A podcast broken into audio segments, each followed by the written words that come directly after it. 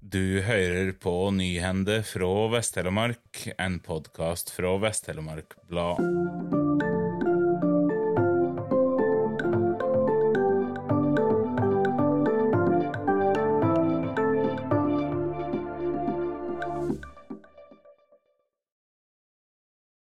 Senterpartiet får to representanter, medan Arbeiderpartiet, KrF og Høyre får én hver i det nye formannskapet i Nissedal.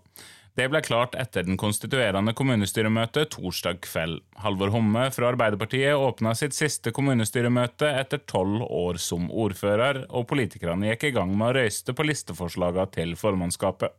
Følgende representanter ble valgt inn. Ian Perry Jones fra Senterpartiet og ordfører, Geir Kristian Enger, KrF og varaordfører, Kristin Parkinson Vågen fra Arbeiderpartiet, Olaus Søndeland fra Høyre og Tjodvor Margrethe Haugen fra Senterpartiet. Deretter fulgte offisielt valg av ordfører, der Ian Perry Jones ble valgt med tolv røyster mot fem for Kristin Parkinson Vågen fra Arbeiderpartiet. Før Homme hang ordførerkjedet kring halsen til Perry Jones og gikk fra å være sittende til tidligere ordfører, kom han med noen gode råd til etterfølgeren. Dette er en jobb som vil snu ganske opp ned på livet ditt og gjøre at fokuset kommer til å være veldig mange andre steder enn kone og unger av og til. Det er viktig å huske på, og det gjorde ikke alltid jeg, fortalte Homme, som også oppmoda Perry Jones til å så langt som råd si ja til det det blir spurt om. For de som spør der og da, er det ofte utrolig viktig, la han til. Så utveksla de to ordførerne blomsterkvaster, og Perry Jones takka Homme for sine tolv år som kommunens øverste politiske leder. For fire år siden var du i tvil om du skulle ta en periode til. Når en ser tilbake på de fire åra som har vært, med pandemi og den ustabile situasjonen i verden, som også har påvirka oss her i Nissedal, synes jeg du har løst det på en helt fantastisk måte. Det vil jeg takke deg for, sa den nylig sittende ordføreren til forgjengeren. Det nye formannskapet møtes for første gang 19. oktober, der de annet skal handsame en klagesak. Planforslaget for hyttefeltet Buvatn i Nissedal ble godkjent av et samrøstes kommunestyre i juni, men Naturvernforbundet i Vest-Telemark har i et høringssvar datert 16. juli bedt om at hele planen blir forkasta ved at godkjenningsvedtaket blir oppheva.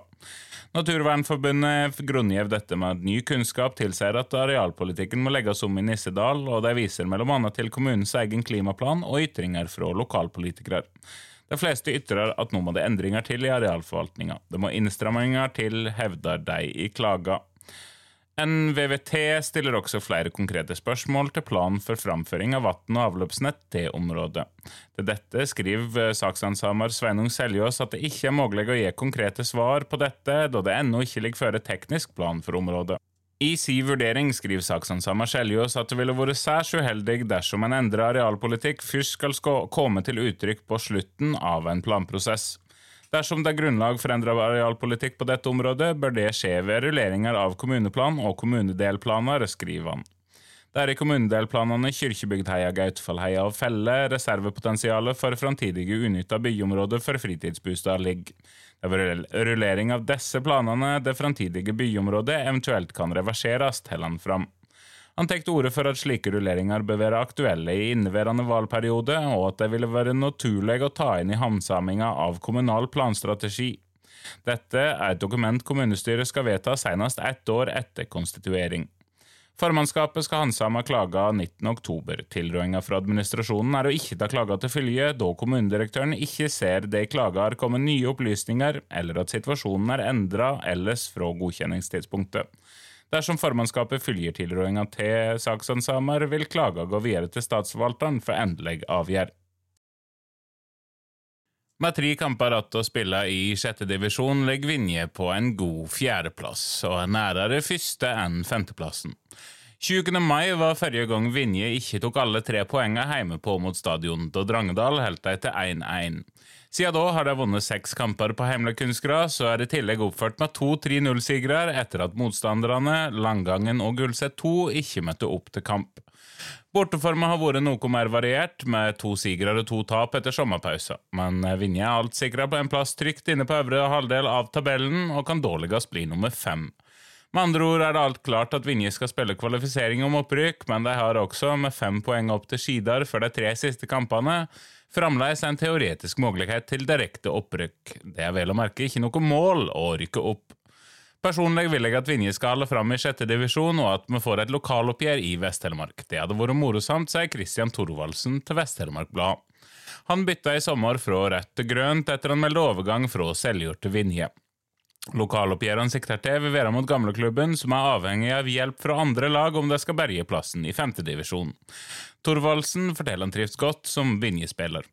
Jeg synes det har vært morsomt å spille, det er gøy å vinne noen kamper igjen, og det er en veldig god gruppe spillere som ønsker å ha det morsomt på banen, sammen, kyter Thorvaldsen. Og så altså Ivi til gamleklubben. Seljord ligger helt sist i femtedivisjon og må ha hjelp fra andre lag dersom det skal holde plassen. Dersom vi klarer å holde oss, er det flott, men om vi skulle rykke ned til sjette divisjon, går det også helt fint, sier Seljord-trener Roar Slinde. Seljordingene har to poeng opp til Skarpedin 2 og Nome på plassene framom med 14 poeng hver, og det er trolig to av disse tre lagene som må ta turen ned til sjette divisjon neste sesong. Kroken, som har en luke på sju poeng ned, kan bare rykke ned dersom de tar to poeng eller mindre på sine tre kamper, samtidig som Skarpedin 2 og Nome begge vinner alle sine siste tre. Seljord har hatt en tung høstsesong så langt, og har ikke tatt poeng i noen av de åtte kampene etter sommerpausen. Deriblant er to sekstap hjemme mot nedrykksrival Skarpedin 2. For Seljords del kommer trolig den aller viktigste kampen for å holde plassen alt denne vika, da de møter Nome i Lunde fredag. Vinner de, vil de gå forbi på tabellen, medan et tap vil jeg luke ned på fem poeng opp til sikker plass, med seks poeng igjen å spille om. Den må vi vinne, ellers tror jeg løpet er kjørt, sier Seljord-trener Slinde.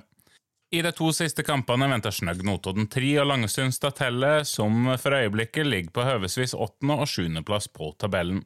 Snøgg Notodden skal altså være mulig å slå, medan han aldri vet hvor Langesund stiller med, kommenterer Slinde.